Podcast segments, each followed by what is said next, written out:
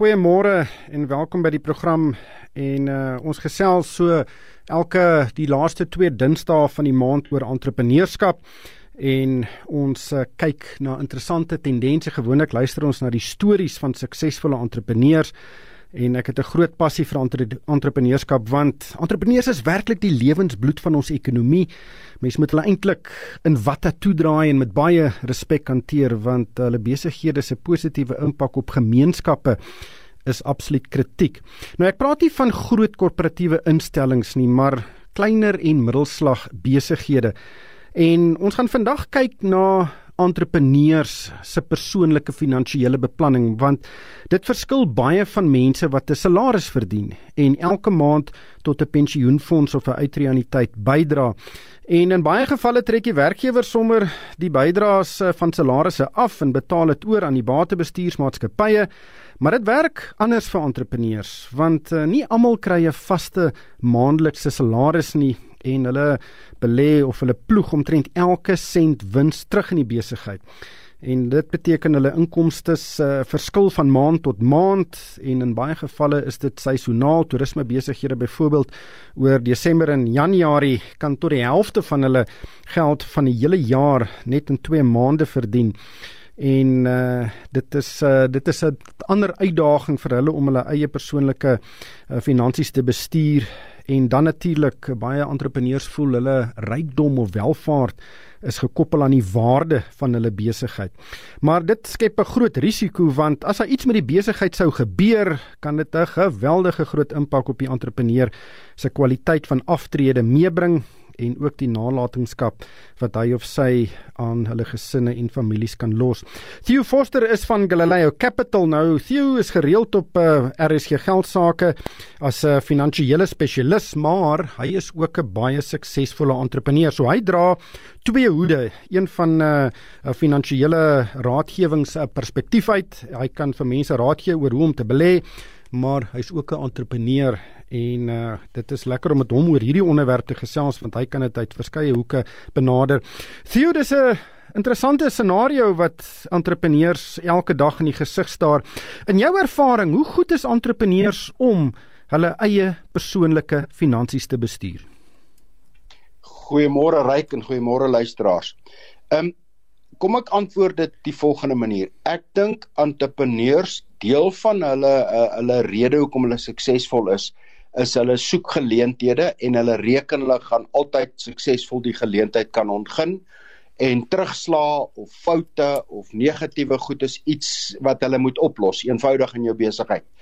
Maar dit beteken ook dat hulle is baie keer ooroptimisties oor waar hulle op pad is. Nou ek het nog nooit 'n suksesvolle entrepreneur gesien wat 'n pessimis is nie. So jy jy gaan per definisie ooroptimisties wees. Dit beteken jy's ooroptimisties oor jou besigheid, jy's ooroptimisties oor hoe lank jou besigheid gaan aanhou, jy's ooroptimisties oor hoe jy gaan lewe eendag as die besigheid nie meer daar is nie. En maar wanneer dit kom by finansiële beplanning, moet jy amper um, daai optimistiese hoed moet jy vervang met 'n hoed van wat gebeur as die besigheid baie swaar kry? Wat gebeur as die besigheid nie meer daar is nie? Wat het ek in plek om na my te kyk as ek ouer word? Uh byvoorbeeld ek kan tog nie altyd hierdie absolute ure en en geleenthede en beklei volhard tot tot in ewigheid nie. Iewers moet dit stop. Iewers iewers gaan tyd jou inhaal en daai stukkie beplanning is gewoonlik wat hulle nie doen nie. Dis die een punt. So hulle is ooroptimisties.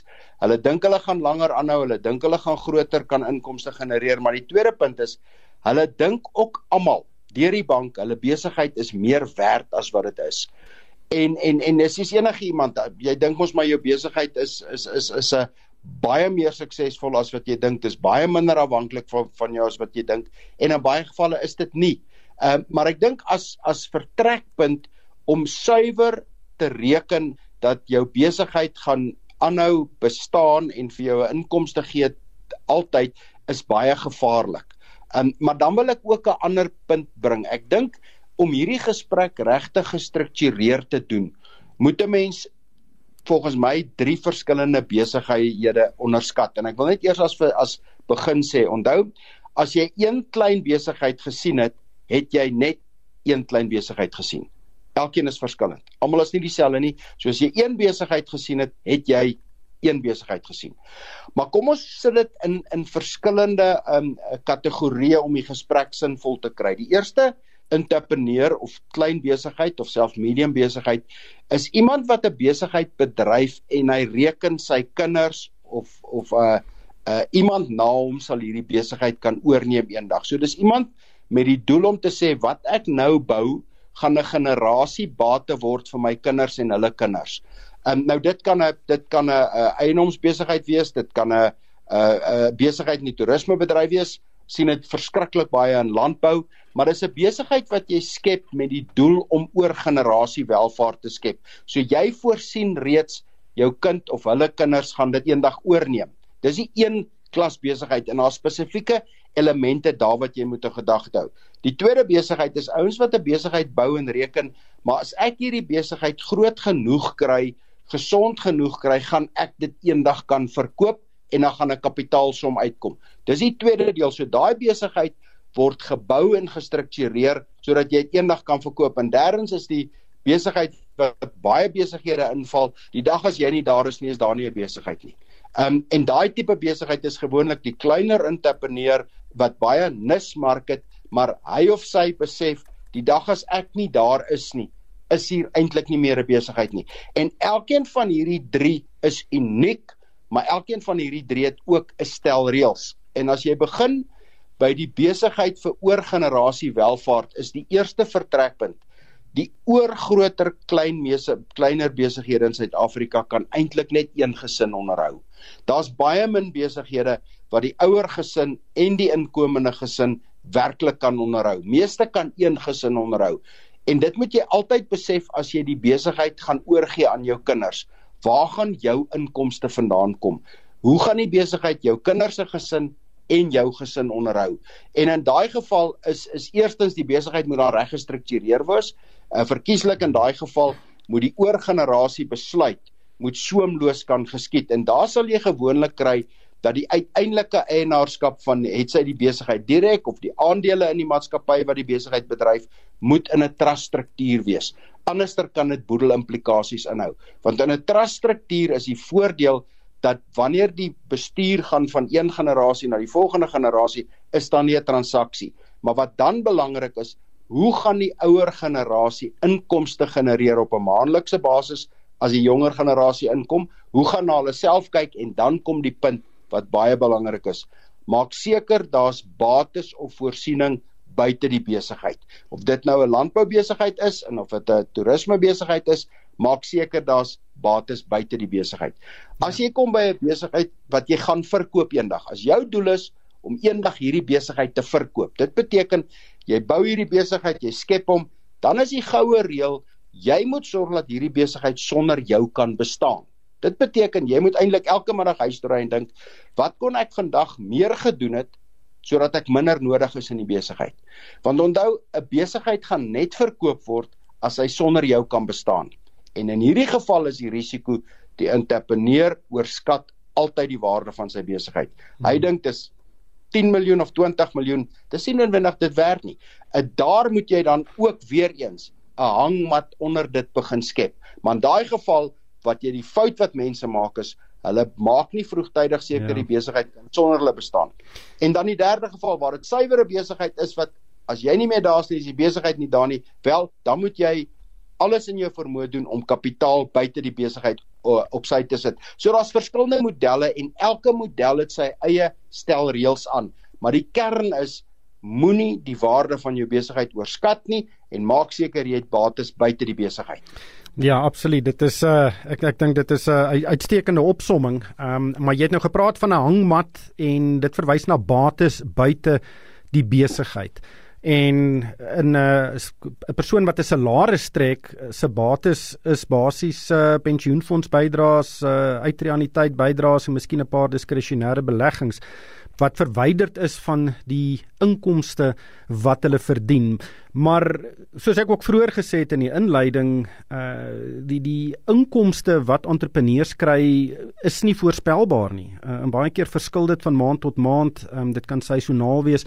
So, hoe moet daardie vangnet benader word? Hoe kan 'n entrepreneur uh bates buite sy besigheid uh begin versamel.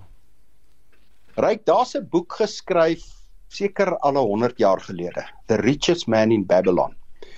En dis basies uh, primêr, so ek sê dis 100 jaar oud, maar die beginsel daar is is baie gesond. En die vertrekpunt van daardie boek, dis 'n klein boek jy kry hom by liggawens gewoonlik by by die toonbank by by die by die boekwinkels.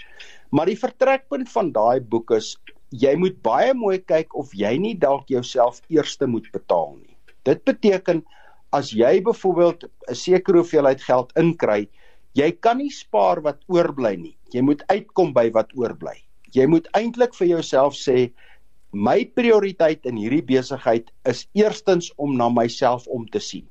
En daai self om te sien beteken nie net om vandag te kan lewe nie, maar beteken om wat doen ek as ek 60 of 70 is en ek kan nie regtig meer hierdie besigheid bedryf en onthou baie party mense word oud van hulle liggaam af onder toe boontoe maar omdat mense ouer word baie mense gaan van bo af onder toe oud word dit beteken hulle gaan hulle verstandelike vermoë vroeër uh verloor as wat hulle graag sou wou. Maar die vertrekpunt van betaal jouself eerste beteken baie keer sal mense spaar wat oorbly aan die einde van die maand. En in veral vir 'n entrepreneur moet soveel meer dissipline aan die dag lê. Nou die verskil waar jy in 'n werknemerssituasie is is daar's 'n ritme van inkomste en daai ritme van inkomste trek heel eerste jou langtermynvoorsiening af. So voor jou geld nog in jou bankrekening land, het jy reeds begin voorsien. En gewoonlik is dit dan in 'n maatskappystruktuur en 'n tipe van 'n pensioenfonds, hmm. maar dit word eers afgetrek. Die dissipline van jou eie besigheid beteken ek het nog nie 'n klein sake mens teëgekom wat nie op 'n tyd salarisse uit 'n kredietkaart moes betaal of 'n huislening huislening uit nie, maar dit beteken nie dat jy jouself nie eers moet betaal nie. So die beginsel van die eerste deel van my inkomste moet ek eintlik die dissipline aanleer om te sê as ek eendag na myself wil kyk en onthou jy bestuur die besigheid om vir jou 'n finansiële uh, lewe te skep probeer die dissipline skep om nie te spaar wat oor is aan die einde van die maand nie maar om eers te spaar ja. en daai geld weg te sit en dan uit te kom met wat oor is aan die einde van die maand maar daar's ook 'n ander scenario en dit is 'n argument van baie entrepreneurs uh, wat dit nie doen nie hulle sê as jy nou uh, geld gaan spaar in 'n effekte trust waar die 'n goeie gemiddelde opbrengs rondom 10 tot 12% is op die langtermyn. Uh vir baie mense is dit genoeg, maar hulle sê as hulle daai geld in hulle eie besighede uh investeer uh of terugploeg, dan kan hulle 20, 30, 40% uh so opbrengs daarop verdien. So hoekom sal jy nou geld gaan sit in 'n meer konservatiewe belegging as wat jy daai geld in jou eie besigheid meer produktief kan gebruik? Ryk, ek dink as vertrekpunt, as jy as entrepreneur nie meer verdien, verdien in jou eie sweet en harde werk as wat jy in die mark in 'n passiewe belegging kan verdien, dan maak jy iets groot fout. Uh so jy moet dit doen. Jy daar's geen suksesvolle entrepreneur wat sy werklik sy tyd sinvol spandeer as hy nie meer as dit verdien nie. Nou, jy kan dit terugvat en sê kom ons sê die risikovrye opbrengskoers is 9 na 10% sit so 3% by vir die risiko van byvoorbeeld 'n gebalanseerde portefeulje, dan is jy presies by jou 12%. So as jy nie meer as dit verdien, dan moet jy jouself afvra waarmee hou ek myself besig. So enige entrepreneur behoort altyd in sy besigheid meer te verdien as amper daai passiewe langtermyn gebalanseerde fonds. 'n Langtermyn gebalanseerde fonds of daai belegging se doel is in elk geval nie om jou ryk te maak nie. Dis baie meer om die welvaart wat jy het te beskerm teen die verswakking van die, jou koopkrag van jou geld. Dit wil sê inflasie uitpresteer met so 'n paar persentasiepunte oor 'n lang periode van tyd. Maar dit is nie daar om jou ryk te maak nie. Om jou ryk te maak en 'n inkomste te genereer is jou eie besigheid. Nou jou eie besigheid wat baie mense nie in ag neem nie, is die hoeveelheid tyd en moeite wat jy spandeer om daai inkomste te genereer. Terwyl as jy juis praat van belegging in die langtermyn is dit bietjie meer van 'n risikoverspreidingsargument. Dis bietjie meer van 'n argument van inkomste wat sonder my kan voortbestaan en is bietjie meer van 'n van van 'n van 'n argument van as my besigheid iets sou oorkom, wil ek steeds daai hangmat langs my en kom ek gee jou 'n goeie voorbeeld. In die toerismebedryf, meeste mense se besighede het absoluut tot stilstand gekom. Ehm um, daar was vir 'n jaar 18 maande geen inkomste nie. Ehm um, jou eie besigheid is baie meer blootgestel aan dag tot dag fluktuasies, aan dag tot dag veranderlikes, aan 'n aan 'n besigheid wat oorkant jou oopmaak, aan die omgewing wat verander. Skielik is jou is jou vervoer besigheid nie meer so suksesvol as Uber op die mark kom. So al daai is 'n risikobestuur wat jy moet doen. En en moenie so maar as jy die argument maak uit die hoof van opbrengs, dan moet jou eie besigheid meer vir jou hoër opbrengs gee. So hierdie gaan oor risikoverskansing en verspreiding mm. en om 'n 2 om iets in plek te sit oor 20 of 30 jaar wat steeds kapitaalwaarde daar het. Want baie eie besighede, ja, jy kan dit doen. Maar as jy dan daai fenominale opbrengs kry, gaan jy binne 5 of 10 jaar 'n besondere groot besigheid hê. So in meeste gevalle is daai opbrengs ook nie altyd volhoubaar nie. Jy kan dit doen vir 'n periode ja. van tyd, maar daarna raak dit al meer minder en ook skaal beginne betrokke raak. Ek gesels met Theo Forster, hy's van Galileo Capital.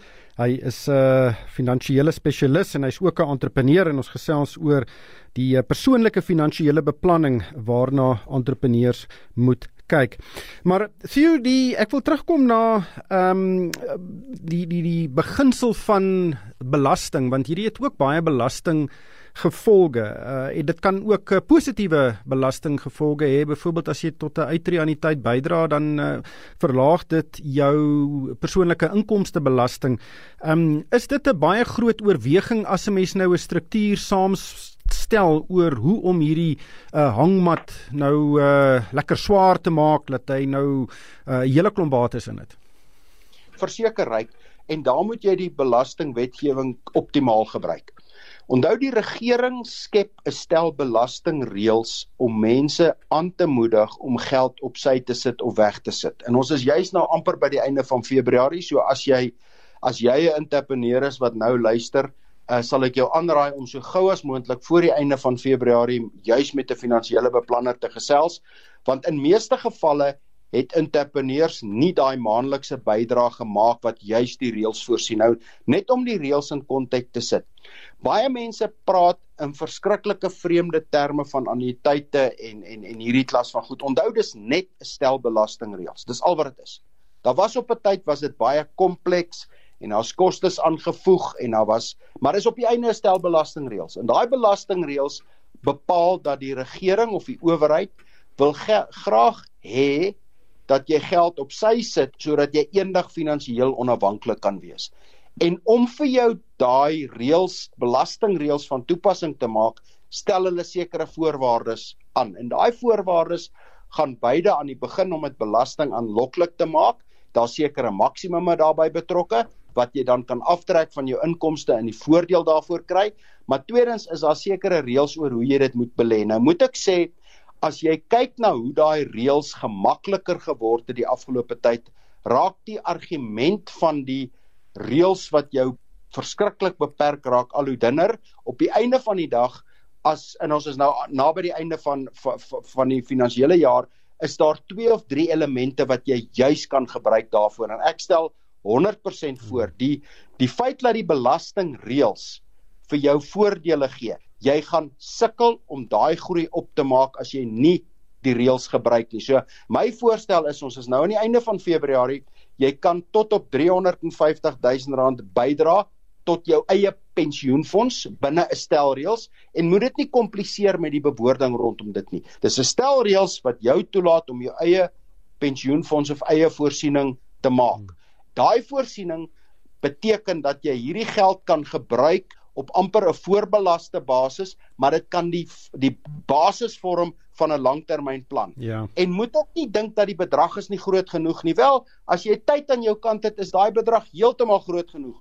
En ons sien male sonder taal entrepreneurs met baie suksesvolle besighede wat oor 'n 20 jaar periode tot 'n baie groot mate vir sy of haar se suksesvolle aftrede kon voorsien deur eenvoudig die stelreëls wat die ontvanger hulle toegee gebruik. Ja, daardie bedrag van 350 000 rand is die maksimum wat jy tot 'n uitreaniteit en 'n pensioenfonds in 'n jaar kan bydra. Ehm um, dit moet net uh, minder wees as 27.5% van jou ehm um, totale inkomste en jy kan dit maandeliks inbetaal of jy kan dit eenmalig betaal. En dit skep vir jou 'n baie baie positiewe, wel baie goeie fondasie soos Athena daar gesê het en en soos jy sê daai 350 000 rand kan jy aftrek van jou persoonlike be inkomstebelasting so jy betaal glad nie belasting daarop nie. Maar net uh, laastens Theo, ehm um, strukture moet die persoon dit in sy of haar eie naam hê of moet dit deel wees van die besigheid? Kan dit 'n belegging wees vir die besigheid maak? Ryk, nou nou kom jy by 'n vraag wat uit 'n paar elemente bestaan. Die eerste element is in baie gevalle binne in 'n besigheid is dit in elk geval um sinvol om 'n kapitaalreserve te skep. Maar hierdie is dan 'n risiko besigheidsbesluit. En wat ons baie keer sien in besighede self is veral as jy in 'n wisselvallige besigheid is, is om a, om om iewers 'n kapitaalbate te hou in die besigheid sodat wanneer dit moeilik gaan, het jy toegang tot daai kapitaal en is heeltemal 'n ander beplanningsgesprek. Uh in daai geval is daar byvoorbeeld ehm um, byvoorbeeld as jy vat ek lees nou eendag baie interessant dat hoekom sit Microsoft met hierdie berg kontant. Hierdie hulle het 'n verskriklike dis honderde miljarde miljoene dollars, dis miljarde rande. En en die uitgangspunt is Bill Gates toe hy sy besigheid begin het, het altyd gesê ek wil genoeg kontant in die besigheid hê dat as ek vir 'n jaar geen inkomste kry, moet ek my personeel kan betaal. En dit was amper sy vertrekpunt hoekom hy sê wag so 'n bietjie, hier kan enige tyd iets met hierdie besigheid gebeur, maar ek is verantwoordelik vir 'n klomp gesinne en vir die gesinne se huishoudings, so ek wil genoeg kontant hê om 'n jaar se salarisse te betaal. In baie gevalle waar jy in 'n gereguleerde omgewing is, byvoorbeeld waar ons byvoorbeeld bedryf, moet ons genoeg kontant hê om 3 maande se lopende uitgawes te kan betaal. So jy moet 'n meganisme in 'n besigheid hê, maar dis suiwer gaan dan oor risiko dat wanneer jy 'n COVID of die Engelse praat baie lekker van 'n black swan event. Ek sal dit nou nie as 'n swart swaan vertaal nie. Ek dink dit is bietjie direk. Maar as daar iets onverwags gebeur, gaan jou besigheid bestaan. En dan kom ek terug na die vraag. As jou besigheid daar is om na van een familie na die volgende een te gaan, daai kapitaal binne in die besigheid moet op 'n manier jou lewensstandaard buite die besigheid kan finansier. En dit kan kompleks raak. Want as jy 70 of 80 is, dan moet jy nou vir vir jou dogter of jou seun gaan vra maar eerste day kan waar gaan pa se kontant vandaan kom hierdie maand.